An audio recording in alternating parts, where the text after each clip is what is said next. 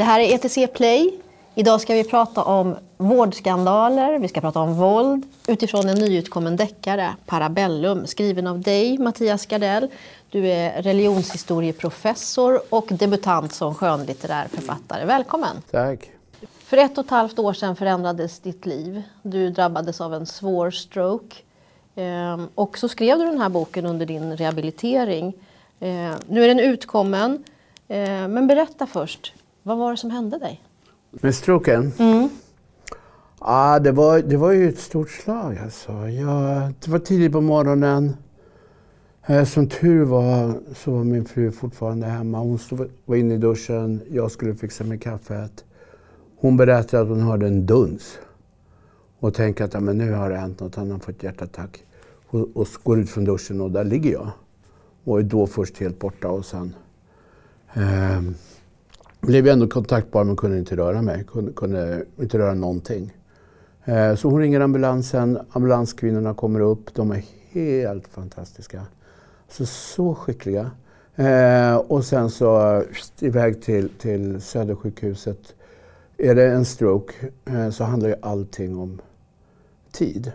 Det försvinner ju miljoner eh, hjärnceller hela tiden så, här, för var, så fort minuten tickar.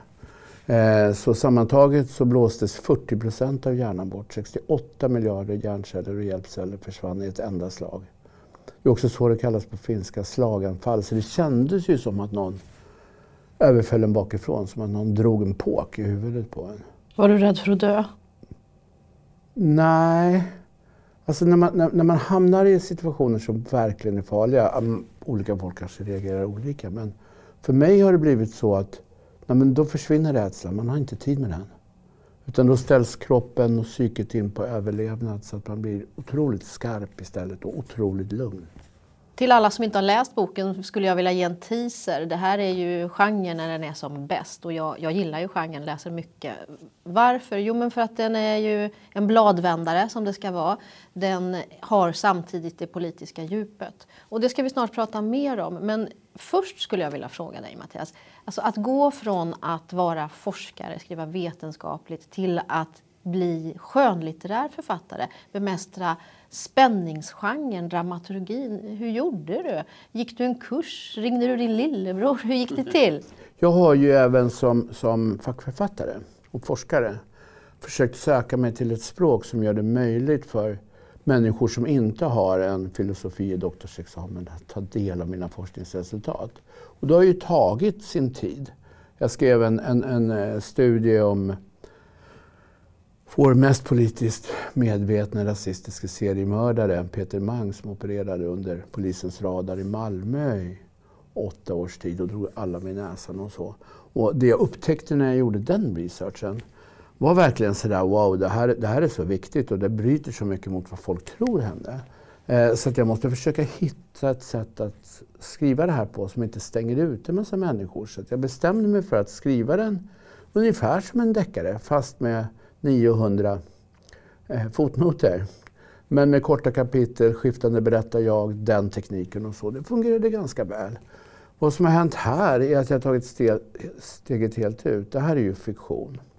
Eh, alla huvudpersoner som finns här är fiktiva huvudpersoner. Samtidigt så bygger arbetet på ett omfattande research som inte minst då har rört konsekvenserna av den nyliberala utförsäljningen av den gemensamma vård som vi trodde att vi kunde vara trygga med och som inte längre finns riktigt. Utan vi har gått från ett samhälle som har baserats på vård efter behov till vård efter förmåga att betala för sig. Eh, och hur det gick till var jag tvungen att liksom använda alla mina forskarerfarenheter och kunskaper och metoder och verktyg och sådär för att göra. Så att, så att på det sättet kan man väl säga att det liknar varandra. Jag tror också att bra deckare, bra skönlitteratur måste vara väldigt bra researchade, måste ha någonting att säga om människan, om verkligheten. Man måste vara en bra iakttagare av samhället, av, av eh, människors komplexitet, av svåra sammanhang och sådär. Den som drabbas av stroke blir ju oerhört trött. Mm. Ändå så började du skriva redan på vårdhemmet. Du kunde fortfarande inte gå, du kunde knappt styra dina fingrar för att mm. Eh, det funkade inte. Varför var det viktigt för dig? Mm. Jag är ju en skrivande människa, en skrivande och läsande människa. Eh, jag hade en fantastisk fysioterapeut Eh, Olivia, hon eh, la upp ett stenhårt träningsprogram så att jag skulle kunna lära mig gå igen och så att jag skulle kunna använda fingrarna och så att det, det, mot, det motoriska systemet. Det är balanssystemet, motoriken, koordinationen framför allt som är utslagen, inte det kognitiva. Eh, även om vissa minnesfunktioner och sådär också är trasiga. Men det som var svårt, det var ju verkligen det här alltså att om du ska skriva på ett keyboard, då måste du först lyfta ena fingret och så måste det fingret ner och träffa precis rätt tangent. Så måste du upp igen, annars blir det drrrt, så texterna blev trasiga på riktigt. Och det där tog jättelång tid och det blev jättemånga fel. Och jag fick lägga ner så mycket tid på det så att jag försummade kanske annan träning. Jag blir nog med käpp, men jag har lärt mig skriva igen. Massor av hjärnceller slogs ut. Men du kom tillbaka tack vare mycket tur och hårt rehabarbete. Eh, boken är ju på något sätt en konsekvens av ditt chockartade möte med vården. Vad var det egentligen som chockade dig? Det var ju många saker som var alldeles chockartade. Och inte minst det att man ligger utslagen eh, och själv måste välja vilket företag ska administrera min vård. Vilka ska sköta arbetsterapin? Vilka ska sköta fysioterapin? Eh, vilket vårdhem ska man välja? Vilken form av vård ska det vara? Vårdval Stockholm säger ju hela tiden att det, liksom, det fria valet och det fria vårdvalet är så bra. Och samtidigt finns det sjukt många oseriösa företag i den här branschen. Man tjänar ju miljoner och miljarder eh, på den här vården. De kallar det skatteskörd. Roffar åt sig skattepengarna som kommer eh, och som försvinner iväg till skatteparadis och i privathänders fickor istället för att gå till vården. Så det är en massa mellanhänder nu som har kommit. Och då måste du som sjuk kunna navigera i det här. Du kommer överösas med reklam, olika vårdgivande som de kallar det, fast det är vårdsäljande företag. Eh, kommer approchera dig, du kommer få ta ställning till alla deras erbjudanden. De kommer ha eh, fina broschyrer, de kommer ha hemsidor som är läckra. Det är svårt att komma in på en hemsida också. Och så överöses du, överöses du med massa uppgifter om hur bra just de är. Alla säger att patienten står i centrum. Hos oss så är det de är skickliga. De anställer ju reklambyråer som håller på och säljer dem. De där reklambyråerna ska tjäna pengar. De som gör de här layoutade grejerna ska tjäna pengar. Eh, företagscheferna, deras sekreterare, deras administrativa personal ska ju ha semesterresor, bostadsrester, eh, nya bilar och så. Och det tas ju från de skattemedel som skulle ha gått till vården. Och du blir lätt bortdribblad. Hur ska du kunna välja? Du vet ju inte. Eh, de flesta av oss som drabbas av en stroke har ju inte haft en stroke förut. Man är väldigt, väldigt trött. Och då så ska man ta ställning till en massa sånt. Och idag finns det ju, så kommer det nya professioner. Plötsligt finns det professionella vårdcoacher och personer som är din egen vårdshoppare som eh, ska lära dig, som guidar runt dig, kanske den vården eller den vården. Och så finns det massa sådana här sajter eh, på internet som du också ska hitta till, där du jämför, hitta och jämför vård. Eh, och så ska man bara bläddra runt bland de här sajterna och komma fram till vilken vård som är bäst. Ungefär som när du ska välja skola till dina barn. Eh, ungefär som när du ska shoppa dina kläder, vilka ska du välja och så. Och är du då sjuk och är du utlämnad åt ett system som inte egentligen är intresserad av att du ska bli bra, utan är intresserad av att sno åt sig de pengar som skattebetalarna har eh, samlat ihop för att trygga en kvalitetssäkrad vård åt alla, oberoende av om du är man eller kvinna, eh, vilken tillskriven ras du har, vilken religion du tror på, om du är rik eller fattig, eh, så har ju du enligt hälso och sjukvårdslagen rätt till en likvärdig, värdig eh, vård i värdighet eh, efter ditt behov.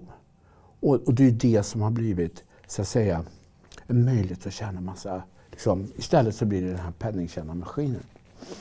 Jag hör ju att du är väldigt kritisk till det men samtidigt så berättade du ju just att du träffade en fantastisk fysioterapeut. Mm. Så, så någonstans fungerade det ju också, eller Det hur? finns ju fantastisk vårdpersonal på alla de här företagen. Även alltså, de, kommer du, de här privata företagen som finns och roffar åt sig skattepengar, de måste ju också ha sjuksköterskor och läkare och terapeuter och andra som är anställda. Många av dem gör ju ett otroligt bra arbete. Och vi har ju, alltså vårdpersonal, det känner vi ju till, är ju kraftigt undervärderad, kraftigt underbetald. Många av dem uppfattar ju det som ett slags kall. Eh, och det i sig utnyttjas också. Så bara för att de upplever att de har ett kall, de har ett samvete, de vill hjälpa människor, de vill vårda eh, hela Florence Nightingale-syndromet. Eh, de offrar mycket egen tid, de lägger in massa insatser och det är ett stressigt system som hela tiden kräver av dem att de ska till nästa, till nästa, till nästa. Det har ju blivit en vårdindustri. Eh, och de är indragna i den, men de kan ju vara fantastiska. Det jag vänder mig mot är inte personalen, för de har ju varit fantastiska. Ehm, och upprätthåller ju det här systemet trots att det är så dysfunktionellt. Trots att så mycket av våra skattepengar försvinner iväg i privata fickor och till skatteparadis istället för att gå till vård. Så ser ju de till att ge människor så mycket god och kvalitetssäkrad vård som de bara kan. Ehm, så, så att det finns ju kvar. I boken så finns det en karaktär som heter Folke som drabbas av stroke till följd att han inte fått uppföljning av vården på sin hjärtmedicin. Och det var fel dos, det var fel sort, fel kombination. Och trots att han själv misstänkte det och kontaktade sin vårdgivare flera gånger så fick han ingen uppföljning. Det där låter ju väldigt konkret. Var det mm. så för dig? Jag har... All, allt det som är skildrat här är ju, som jag sa tidigare, fiktion men är baserat på er själverfarenheter och samtal med människor som själva har råkat ut för olika eh, saker som exempelvis stroke eller strokesjuksköterskor och vårdpersonal och läkare. Jag gjorde ju jättemånga intervjuer och jättemycket samtal. Så på det sättet så är det också eh, baserat på en verklig situation. Och för att förstå hur det där kan gå till så igen måste vi gå till de här stora vårdskandalerna, utförsäljningen av det som skulle vara vår gemensamma vård. Ta bara skandalen kring Nya Karolinska sjukhuset. Det är ju en korruptionsskandal som enligt Olle Lundin, som är eh, professor i förvaltningsrätt i, i, eh, på Uppsala universitet, en av landets stora experter eh, vad det gäller korruption. Han kallar den eh, skandalen så ofattbart stor att den är nästan omöjlig att förstå. Och, säger han, om du stjäl 100 kronor av någon, då kallas du tjuv. Men om du stjäl 25 miljarder, då anses du fiffig. I Nya Karolinska sjukhuset så försvann 47 miljarder av våra skattepengar. 47 000 miljoner. Kan du ens, tänka, kan du ens tänka dig en sån så, alltså en så stor summa pengar? Eh, så, så, att det nästan, och det måste ju komma någonstans ifrån. Så plötsligt så blir vården tvungen att bespara. Det är därför vi får läsa nu larmrapporter om att ja, nu ska 1300 läkare och sjuksköterskor friställas. Nu har vi inte råd med operationer, de måste ställas in. Nu växer vårdköerna, det finns ingen möjlighet att täcka behovet som finns för alla. Eh, och man sparar in med osthyvel på massa saker. Normalt sett, när du ställer in en ny medicin, så gör du en massa återkommande prover för att se att eh, den här kombinationen av mediciner är rätt kalibrerad. Eh, ska man ändra doseringen kanske? Finns det oanade konsekvenser? Varje medicinpaket kommer ju möta en person som också har specifika egna förutsättningar. Och så kanske man inte vet alla. Så man måste ju testa, man måste kolla, man måste återkomma och så här. Men varje sån grej kostar pengar. Så det är ett exempel på en sån här osthyvelbesparing som kommer helt i onödan enbart för att privata aktörer idag eh, har tagit åt sig så ofantligt mycket av våra gemensamma egendomar. Är din analys att en karaktär som Folke då, om vi inte hade haft den här förändringen, hade han fått en tätare kontakt med vården och kanske inte hade behövt få en stroke? Mm. Jag tror att, att vi ser idag en, en eh, fruktansvärd överdödlighet i vården. Var fjärde dödsfall hade kunnat undvikas. Om du tittar på eh, Alltså nu, det här handlingen i Parabellum utspelar sig innan covid men eh, överdödligheten i Stockholmsregionen sammanhänger också med det här. Det har inte riktigt framkommit än men vi håller på att forska efter det också så att vi ska lägga allt det här i dagen naturligtvis. Eh, men, men, men det är en jättestor eh, onödig överdödlighet, även covid förutan, i Region Stockholm, Eh, och där ansvariga politiker håller på med det där, men jag vill avskaffa mig själv. Och, eh, tar ju inte ett, det ansvar som man tänker en val, förtroendevald politiker ska ta. Det är också i sig skandal. Och här ser vi ju hur eh, en viss typ av politiker har under hand underlättat för eh, privata aktörer att komma och sno åt sig av det gemensamma. Det här är ju egentligen trolöshet mot huvudman. Så här kan man ju inte bete sig. Det, det, är för mig fullständigt förvånande att man kan utförsälja så mycket av den gemensamma egendomen utan att ställas till ansvar. Det här får så stora konsekvenser. Det är så många människor i det här landet som nu har nära anhöriga som har dött i onödan. De har dött i väntan på en operation. De har blivit tillsagda att Nej, men det är fullt på akuten, ni får komma tillbaka imorgon. De har eh, råkat ut för en stressad läkare som eh, glömde bort att skriva ut en påfyllan på stroke eh, medicinen för att förhindra en ny stroke. För många som drabbas av en stroke eh, får ju sönderslaget minne.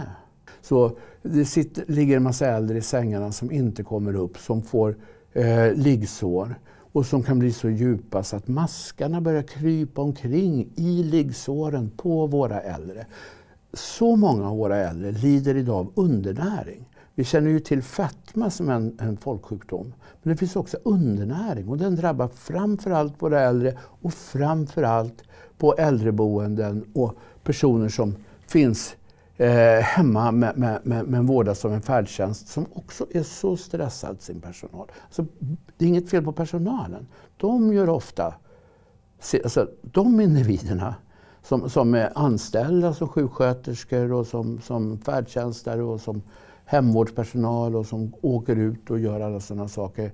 Eh, de kan vara hur duktiga som helst. Men deras arbetsvillkor är ju överjävliga. De hinner inte. Eh, så att de tyckte innan allt katastrofen kom också att men nu är det perfekt. Nu finns det inget lager där saker står och samlar damm. Utan allting som behövs går åt hela tiden så vi har en perfekt balans på den här marknaden. Och så kommer covid, bang, och sen så tar allting slut på en gång och så finns det ingenting. Och sen kommer andra stora privata aktörer, eller USA eller vad som helst, och så köper de upp hela världslagret och så står man där. Du kände ju till allt det här innan du blev sjuk egentligen. Det har ju skrivits spaltmeter och reportage om utförsäljning och vissa skandaler, eh, att vi behöver vårdcoacher för att navigera, att man kan köpa sig före köerna. Vad tänker du om att du ändå inte hade förstått vidden av det förrän det kröp under skinnet på dig och du behövde vården? Jag tänker, det där, det där återkommer jag till väldigt många gånger. Därför att jag ser mig själv som en ja, men hyggligt allmänbildad person som hänger med i vad som sker. Och när jag själv drabbades av det och stod inför vårdsystemet och insåg hur blåsta vi har blivit så, så tänkte jag att jag måste ju börja forska. Och då så ser jag att men det finns ju jättemycket bra forskning som har gjorts. Och vi, vi har ju i Sverige väldigt många bra grävande journalister. Och både i Dagens Nyheter och Svenska Dagbladet så har ju några av dessa journalister publicerat fantastiskt bra reportage som eh, har bevakat situationen på vårdmarknaden under många års tid. Eh, så att det här har skett inför våra ögon. Fascismen har ju en förmåga att gömma sig i dagsljus idag. Eh, och även den här kriminaliteten eh, gömmer sig i dagsljus. Eh, och maskeras med ord som frihet och vårdval och, och så här. Och, och det är häpnadsväckande hur ansvariga politiker och ansvariga företagsledare, och det är ofta inte enskilda personer heller utan det är konglomerat av aktieägare och så här som, eh, som firar, inte ställs till svars. Eh, och, och man tänker att menar, men, men eh, om du bygger upp privata BBn till exempel. BB-kliniker långt från akutmottagningar. Och någonting går snett när du ska föda ett barn. Och mamman dör helt i onödan. Och sen så, ska, så blir reaktionen, ja det var ju naturligtvis beklagligt. Men vad då beklagligt? Alltså, den typen av, av, för det här handlar ju om död. Det handlar om ett liv i värdighet. Redan under 70-talet började det komma fram en kritik mot den offentliga sektorn. Ja. Den var inte så effektiv, Mm. den behövde effektiviseras och eh, sen har vi fått den här utförsäljningen och privatiseringen och det finns eh, en legitim kritik mot det. Mm, Men de som studerar vårdens effektivitet idag och jämför med 30 år sedan, de säger också att vården är effektivare idag. Finns det en positiv aspekt med det som har skett? Ja, de, det är ju både och, om den är effektiv eller inte. Jo, jo, det finns ju positiva aspekter. Jag tänker att ja, men det är inget fel på mångfald. Och det, kan, det är inget fel på människors företagsamhet. Och det är inget fel på om ett gäng sjukskötare eller arbetsterapeuter eller fysioterapeuter eller läkare slår sig samman och tänker att ja, men nu vill vi ha en, en eh, husläkarklinik här som är nära i lokalsamhället och där vill känna de personer som bor där. Och alltihopa det. Men det är jättefint, fine. Det som är problemet är när, när eh, man går från en behovsdriven till en vinstdriven vård. Så om det här företagandet bara kan vara så att ja, men du får ut dina pengar, ja, men du får din lön. Precis som du får på andra ställen. Men du kan inte göra ohemula vinster som du drar iväg med. Du kan ju inte plötsligt ta flera miljarder och sticka med dem till Caymanöarna. Eh, det måste man ju sätta stopp för. Så att du kan ju fortfarande ha en, en, en eh, mångfald av möjligheter. Du kan ha, liksom tillåta företagsamhet. Du kan göra massa sådana här saker utan att nödvändigtvis pengarna ska försvinna. Så att eh, systemet att om man inte är nöjd med sin vård central så är man fri att byta, det är inget som du egentligen har något emot? Nej men alltså man, man, man har ju inte... Eh, nej, men så att, att om, man, om man har ett system där man lär känna sin husläkare och man hamnar i konflikt med den, söker sig till en annan, det är ju inte problematiskt. Problematiskt är ju om det finns en, en massa andra coacher och konsulter och företag som inte ger dig vård. Eh, Den där husläkaren kommer ju som har ju rätt att eh, genom sitt eget arbete förtjäna sitt eget eh, uppehälle. Det är ju en sak. Men han kan ju inte ta 20 miljoner extra och stoppa undan dem någonstans av skattepengarna. Så, så, att, så att det är ju där systemfelet är. För att återgå till deckaren då. Jag vet inte om vi ska göra det. Men, Absolut. men, men, men för mig, när jag då var där i situationen där jag står inför ett system som var så omfattande att jag började tänka hur ska jag kunna skriva kring det här? Om jag skriver en, en fackbok så kommer den hamna bland de andra fackböckerna som blir läst eller inte läst och det händer inte så mycket mer. Jag måste försöka nå fler människor och jag tänkte att det här systemet som är så våldsamt, kapitalismen dödar. Eh, passar den politiska trillen som framställningsform för att diskutera de här sakerna. Så, så att eh, Parabellum är ju ganska våldsam, eh, som du som läst den vet. Eh, men det är ju en våldsamhet som återspeglar det våld som finns inbyggt i systemet. När jag läste boken så tänkte jag så här att eh, de exemplen från vården, det är många väldigt eh, specifika och ganska extrema exempel på, på vanvård eh, bland annat. Och då tänkte jag när jag läste, det var också så här, samma företag som har så fina broschyrer om en fantastisk vård var, var de företagen som vanvårdade. Och då tänkte jag så här, det här är väl en form av en dystopi som det skulle kunna bli så småningom. Men sen berättar ju du nu här att allting är som du skriver, det, har, det är verklighetsbaserat. Alla exempel, de har hänt på riktigt. Alla Eh. exempel är på riktigt och eh, nej, men så är det. Den framtidsdystopin är här. Och är den här genren ett sätt, för, för, för som du säger, de här granskande reportagen, eh, forskningsrapporterna, eh, det kryper kanske inte in på skinnet på oss. Ser du deckargenren som en möjlighet att, att folk kan få upp ögonen för det här på ett annat sätt? Deckargenren och romanen, det skönlitterära berättandet. För att vi behöver ju också bli... Vi, vi behöver ju kunna leva oss in i att själv drabbas av ett sånt här system eller att eh, du och din familj bestämmer er för att nej, men vi kan inte ta hand om vår allt mer dementa mamma. Vi får ju behandla våra äldre med respekt eh, för de bidrag de har gjort och för som människor. Och om, i den mån vi inte klarar av det så tappar vi ju vårt eget människovärde. Jag vill verkligen inte låta som att jag försöker skuldbelägga personalen. Utan det som är problemet är ju cheferna och aktieägarna som snor åt sig och lämnar personalen att försöka administrera det här med alldeles för magra resurser.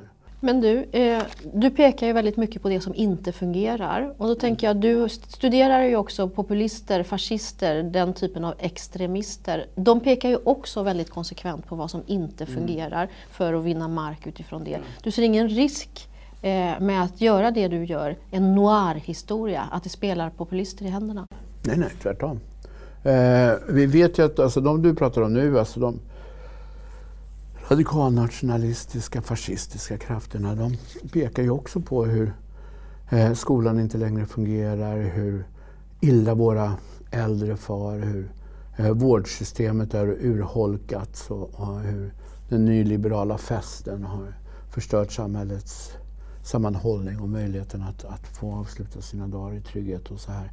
Eh, men de säger att det är beror på invandringen eller det beror på muslimerna och nu sen somalierna eller de ensamkommande afghanska kidsen.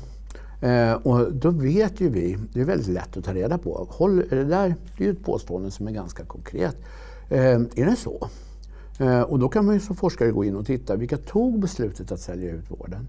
Eh, när togs de här besluten? Hur togs besluten och vilka var med och fattade det? Vilka var det som tog besluten om Nya Karolinska sjukhuset? Vilka var det som stängde ut allmänheten? Vilka var det som påstod för oss alla att det här var till en allmän eh, upphandling men det var bara ett enda företag som gav ett bud? Eh, och inte alls i konkurrens med andra. Och prissumman för det här blev skyhögt högre högre än det som avtalades och locket på, ingen skulle få reda på. Var det muslimer som satt där inne och bestämde det? Var det de ensamkommande afghanska barnen? Var det eh, de här? Och så går man in och tittar, nej men, här ser inte en enda somalier. Inte en enda muslim. Inte en enda ensamkommande afghansk kille hade tagit sig hela vägen till Sverige för att sälja ut sjukvården. Utan det är helt andra personer. Eh, så, så jag tror att det är viktigt att vi, för att möta det här, eh, ser de problem som finns i samhället och försöker skapa, eller skapa en rimlig väg att eh, lösa de problemen. För att kunna lösa problem måste vi förstå hur det ser ut. Boken handlar ju, problematiserar ju det här med vården och vad som har hänt men, men mm. den har ju ganska många fler dimensioner. Mm. Eh, jag tänker på en karaktär i boken som heter Arne Johansson. Han, han är poliskommissarie och något av en arbetsnarkoman. Mm. Och en scen så säger hans son att han är där utan att vara där, han ser utan att se en mästare i frånvarons konst. Mm. Och då tänker jag, du som själv är forskare och har produktiv karriär i, i bagaget, Finns det något av dig där som Absolut. du... Absolut. Gör det. Jag har massa barn och de har alla fått uppleva att ja, men pappa är på möte, pappa sitter och skriver, pappa märker inte vad som händer. Så är det ju naturligtvis. Och så brottas man med det och så är det ju. Och det är som du säger, jag menar, det här är ju en, det är ju en bok som på många sätt skildrar myllret och mångfalden av olika slags sätt att vara människa på i det här landet. Och den har ju jättemycket humor. Eh, och det är många dråpliga scener och det Ehm, jag tror man måste hänga med lite när man läser den också. För att humorn är inte alltid sådär... Jag, jag har ju min egen... Det är mycket så British understatement och det massa sådana här saker. Så, så, att, eh, jo, men det finns naturligtvis mycket av mig och människor jag känner och av barnen. Och sen är ju allting ihopblandat. Eh, och allting är ju fiktion.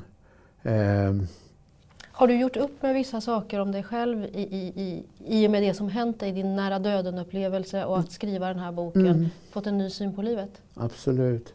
Eh, nej men på det sättet så det finns det ju väldigt mycket självkritik i en del av de här karaktärerna. Eh, så på det sättet så är det en uppgörelse. Och, eh, att leva med döden är att leva med livet. Eh, att råka ut för en sån här sak och varit så nära att eh, omkomma och sen återfå livet. Eh, vi medför ju att allt är bonus. Eh, så jag är oändligt tacksam och glad över att jag kan gå omkring här. Eh, och har fått nästan, en, men, du vet när det blir nästan mystik. Man ser så många saker, små detaljer eh, i vardagen som man förr bara stressade förbi. Man hann inte riktigt. Och det kan vara allt från hur eh, solstrålarna gör att vattendropparna på bladet i träden glittrar så fantastiskt just nu till eh, möten med, med, med, med alla människor som finns runt omkring och deras vardag till, till sådana saker. Så jag skulle vilja säga att, att, att eh, och ödmjukheten inför alltså jag ser så många fantastiska barn och barnbarn och vänner som har ställt upp och, och, som är så fina och som gör så många bra saker. Och för varje sån rolig stund, för varje eh, tv-serieavsnitt jag ser som är bra, för varje ny bok som jag kan läsa, varje saga jag får läsa för ett av mina barnbarn, varje eh, tecknad film vi kan titta på. Eh, om jag står och tittar på några av barnbarnens senaste moves när de håller på med sin kickbike och så. Allt det är ju bonus. Och förut så kanske man stod där och tänkte på annat. Eh, för att man hade så många viktiga möten och man satt stressad med någon deadline och man var på väg hit och dit. Och, så man stannade inte alltid upp och såg alla de här detaljerna. Så på det sättet så tänker jag att eh, det jag upplevde särskiljer ju inte mig från någon annan därför att vi lever alla jämte döden. Vi sover jämte döden. Eh, vi tror att det är väldigt säkert att vi kommer leva idag och imorgon och så här. Precis som jag också tänkte. Stroken kom så, total överraskning. Blixt från en klar himmel. Och det fick mig att tänka att ah, det kan komma imorgon också. Det kan komma nästa vecka, om en månad. Så jag tänker ta tillvara på den här stunden, den här dagen. Så på det sättet så har det ju varit en ögonöppnare verkligen. Nu är boken ute och har fått en del uppmärksamhet. Vad skulle du säga skillnaden är att komma ut med en fackbok eller en forskningsrapport och komma ut med en skönlitterär bok? Mm, det, är, det är ju stor skillnad. Det här är ju första delen i en trilogi. Eh, vi får se om den kommer att flyga. Eh, och det kommer ju hända. Jag, det är svårt att göra en sån här sak och inte avslöja massa saker som händer. Den, den är ju sanslöst spännande på många sätt. Eh, och väldigt många oväntade vändningar. Eh, sen kommer en tvåa och en trea. Eh, det tror jag, tänker jag, kommer att bli en väldigt omtalad trilogi som kommer att vara stilbildande och eh, eh, omtalad. Så läs Parabellum, den är fantastiskt bra. Men, men eh, tvåan och trean kommer förvåna er ännu mycket mer. Det får vi se fram emot. Eh, jag tänker på det här, genren bygger ju också på att det, att, att det finns ett våldsdåd som eh, poliser och andra runt om ska lösa. Mm. Hur ställer du dig själv till våld? Finns det situationer där våld är motiverat? Ja, hur många som helst. Eh, våld är ju en del av förutsättningarna för det mänskliga livet. Eh, så att det, idén om att vi kan komma till en tillvaro utan våld eh, är väldigt verklighetsfrämmande. Så snarare handlar det väl om att eh, vi, måste ha, vi måste finna vägar att ha ett produktivt våld på rätt sätt och rätt ställe. Så, så att jag sysslar ju mycket med våld i, i eh, min forskning. Den handlar ju om rasism, politik, eh, religion och våld.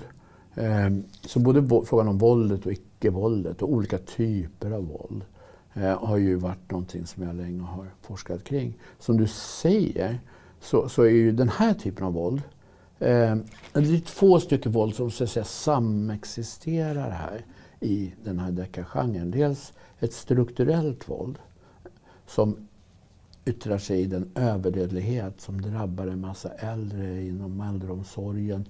Eh, folk som ligger sjuka på våra sjukhus, de som inte får en operation och så här. Det här är ju ett våld eh, som resulterar i onödig död, massivt lidande som nästan aldrig omtalas. De som är skyldiga bakom det är svåra att identifiera eftersom det ofta är, det är stora strukturer. Det är en samhällsomvandling som har skett. Det finns ingen nödvändigtvis liksom, person med Eh, ett personnummer och namn och adress som du kan anklaga för det här utan det är mer komplexa former. Så vi pratar om det i termer av ett objektivt våld, ett strukturellt våld. Eh, så det är en, den ena formen och det är ju ett väldigt våldsamt samhälle vi lever i. Men många av de här som dör, många av de här äldre, alltså det blir inga skandalreportage i tidningarna. Du får inte ens reda på vad de heter. Eh, kanske blir det en notis i dödssidorna men annars så har det blivit så normaliserat idag. Eh, så att våra äldre försvinner iväg på något ålderdomshem och sen dog de och säger jaha. Eh, kanske var det någon som mindes eh, vad de hette och kanske inte. Vi glömde det, vi, vi fortsätter med vårt liv. Sen finns det ett subjektivt våld och ett subjektivt våld är skillnad för det bryter mot ett idealtillstånd av icke-våld. Och det handlar om det typ, den slags våld som kan utföras av enskilda individer med namn och personnummer mot andra enskilda individer. Och därför också om personer som kan identifieras, eh, lagföras, gripas, dömas till ansvar för eh, sina handlingar. Vi får inte miss, man, det är förbjudet att misshandla människor, det är förbjudet att döda människor. Du får inte ta en kniv och skära halsen av någon, du får inte skjuta någon och så vidare. Eh, det är ju, det är ju lagbrott. Eh, och deckargenren eh, innehåller faktiskt ofta båda, alltså kom, kombinationen av det här, för att det subjektiva våldet måste ju också få sin förklaring förstås. Eh, så, så, att eh, det är ju våldsamt och på många sätt är det ett spektakulärt våld som finns i Parabellum och som är skildrat i Parabellum. Eh, och jag har mött folk som, som har sagt liksom, wow, jag, jag, det har jag återkommit till i flera nätter så höll jag mig sömnlös och jag bara låg och tänkte på det där och jätteläskig skildring och alla sådana där saker. Men igen, det spektakulära våldet är en slags spegling av ett väldigt spektakulärt våld som pågår hela tiden i vår vardag, men som vi inte ser. Därför att det sker på äldreboendena, det sker på vårdinstitutionerna. Det är borttaget från vår vardag. Vi konfronteras inte med det på samma sätt som vi gör om någon skjuter någon. Du har ju även som utredare eh, forskat om och analyserat våldsbejakande extremism. Så du har gjort massor av intervjuer med människor som, som just bejakar våld. Mm. Har det hjälpt dig i den här författarprocessen att skriva trovärdigt runt den typen av ah. tänkande? Ja, ah, jag har ju intervjuat jättemånga mördare. Och jag har intervjuat jättemånga människor som eh, älskar mördare. som, som, som hejar på, som försöker uppmuntra till det. Vars dagar och vars vardagliga politiska gärning ofta kretsar kring det subjektiva våldet. Eh, och, och där, där, man, där man eh, har dödat andra eller bränt ner byggnader eller överfallit människor och så i politiska syften. Och där har jag intervjuat folk som har kommit från väldigt många olika politiska håll. Och i och med det så, så har jag en samlad resurs av, av, av eh, tänkande kring våld. Så, så att, eh, att intervjua seriemördare. Jag har intervju, samtalat med Peter Mang så många gånger som helst, in Breivik och alla sådana här. Det ger ju också inblickar i mördarens psykologi. Det finns många intressanta karaktärer i boken. Du, du skildrar eh, människorna komplext, närgånget. Men jag ser en viss distinktion. Vissa karaktärer är inte lika komplexa och det är de som profiterar på, på vården. Varför ville du skriva så? Ja, det är ju ett medvetet val. Eh, det finns ju de som är väldigt komplext skildrade också. Men, men det handlar ju helt enkelt om att vi, vi, vi är så vana vid ingående skildringar av överklassens liv. Eh, det fina folket, jetset-folket, eh, de rika storföretagarna och så här. Eh, vi har ju som hur många skildringar av hoven och dess intriger som helst. Eh, vi har alla dessa tv-serier som eh, från Dallas och Onedinlinjen och framåt har skildrat intrigerna i företagsvärlden. Och vi har alla de här filmerna om, om eh, eh hur komplext det är för den hemvändande Vietnamveteranen som har kommit, ut, kommit tillbaka från Vietnam till USA och sen så har han, så plågas den här personen av en massa mardrömmar för att han har ju dödat så många vietnamesiska civila och bränt ner deras byar och våldtagit deras kvinnor. Eh, eh hackat ihjäl deras barn. Och så får man veta så mycket om hur, ja, men vilken komplex och fin människa han är. Och han lider helveteskrav, han är lite alkoholiserad och han tar tabletter och det händer saker i eh, hans liv. Och det får vi väldigt fint närgående porträtt av. Men sen får vi inte veta någonting om de vietnameser som han har dödat. Om barnen han har hackat ihjäl, om de vietnamesiska kvinnorna som han har våldtagit. Ingenting. I bästa fall så är det skildrat bara genom hans mardrömmar med något ansikte. Kanske får vi ett namn, men oftast inte. Eh, så att de försvinner bort. De är inte skildrade överhuvudtaget. Deras uppgift är enbart att dö. Eh, I den här typen av filmer. Så vad jag har gjort är likadant fast tvärtom. Så att jag har istället skildrat den lilla människan, eh, de som drabbas av det här strukturella våldet, av vårdskandalerna, de som är lurade. Eh, och den lilla människans liv och så. Och där får de vara komplexa eh, personer eh, i all sin rätt. Medan en del av de här som eh, företagarna som berikar sig på det eh, då inte är skildrade på det sättet som vi annars har vant oss vid. Du har ju hunnit få en del reaktioner på boken och eh, en av de mer kända som har reagerat på boken är författaren Jan Guillou. Han, fattar, han sammanfattar den så här. En gedigen thriller om korruptionen och vårdskandalerna. Smart, ögonöppnande. Det var på tiden att någon skrev sånt deckarförfattarna bara säger att de skriver. Hur känns det? Jag blev jätteglad. Alltså, dels är Jan Guillou tycker jag skön för att han aldrig vikt ner sig.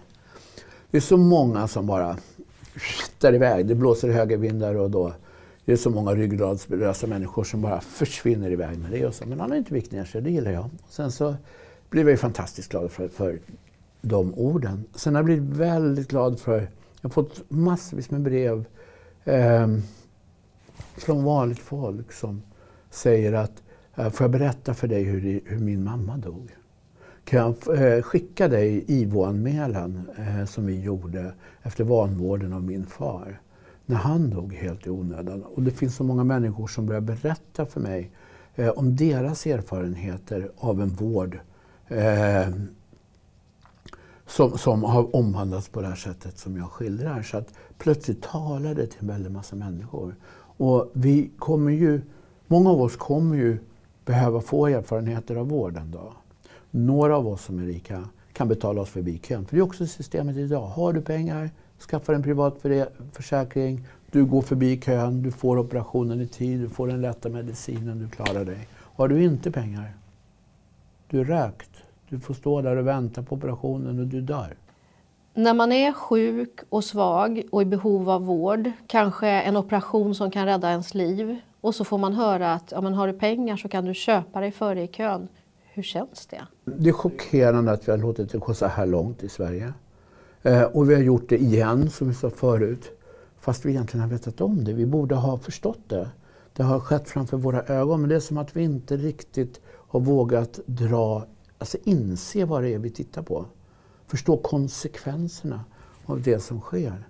Och det är helt remarkabelt att men har du en privat försäkring, har du pengar så betalar du dig förbi kön och får tillgång till den operation och den vård och den värdighet, den behandling som borde tillkomma alla. Som vi ju alla har betalat så mycket skatt för att få oss försäkrade och som faktiskt är inskrivet i svensk lag.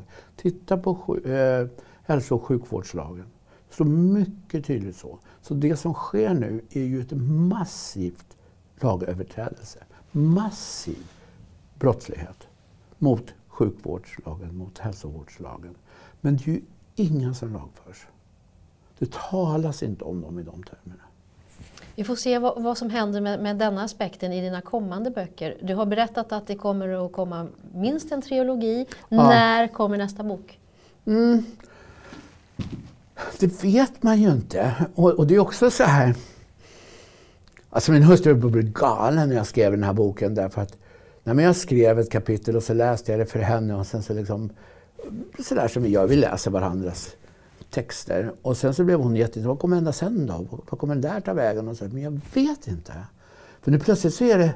Så säger men du låter som en karikatyr av en författare. Jo, men jag lär ju känna de här personerna. Och sen så, men vet du vad som hände idag? kunde jag komma och berätta. Eh, när vi satt och fikade. Nu gjorde den här karaktären det där oväntade draget och avslöjade det. Jag blir helt förvånad. Så att jag vet i stora drag vad som kommer hända men det ska bli väldigt spännande att, att följa dem. Och vad som kommer vara nu är att eh, jag tar några av dem. Det finns ett antal personer som är några slags huvudpersoner. Det är några som är absoluta förgrunden och sen så finns det några som är runt som det också handlar ganska mycket om. Nu blir det andra personer eh, som är i den absoluta förgrunden och det händer andra slags saker. Eh, och sen ska alltihopa sys ihop till en, en trilogi. Och som också... Eh, jag är ju religionshistoriker som vi sa förut. Som också har eh, med sig mycket av de kunskaper jag har kring religioner, kring ritualer, kring ceremonier, kring det magiska. Religionshistorien, antropologin, historien är ju en skatt av berättelser. Eh, och när du forskar vanligen så, så, samlar du på dig så många av, av, av, verklighetens berättelser. Så det finns ju ett överflöd. När du skriver dina forskarsammanfattningar, liksom, din monografi, din vetenskapliga artikel, eh, så måste du lämna de flesta berättelserna vid sidan. Som skönlitterär författare, då kan jag återvända och så kan jag bara ta med mig de berättelserna in i romanens form och det blir jätteroligt. Så att här är det tänkt att nej, men jag gör den här trilogin och sen finns det en eh, person här som jag tror kan dra iväg med sin egen serie sen.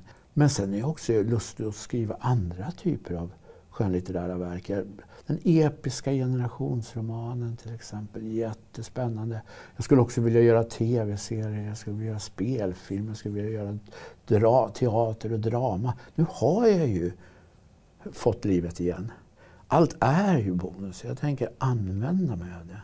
Tack Mattias Gardell för att du kom till ETC Play. Tack!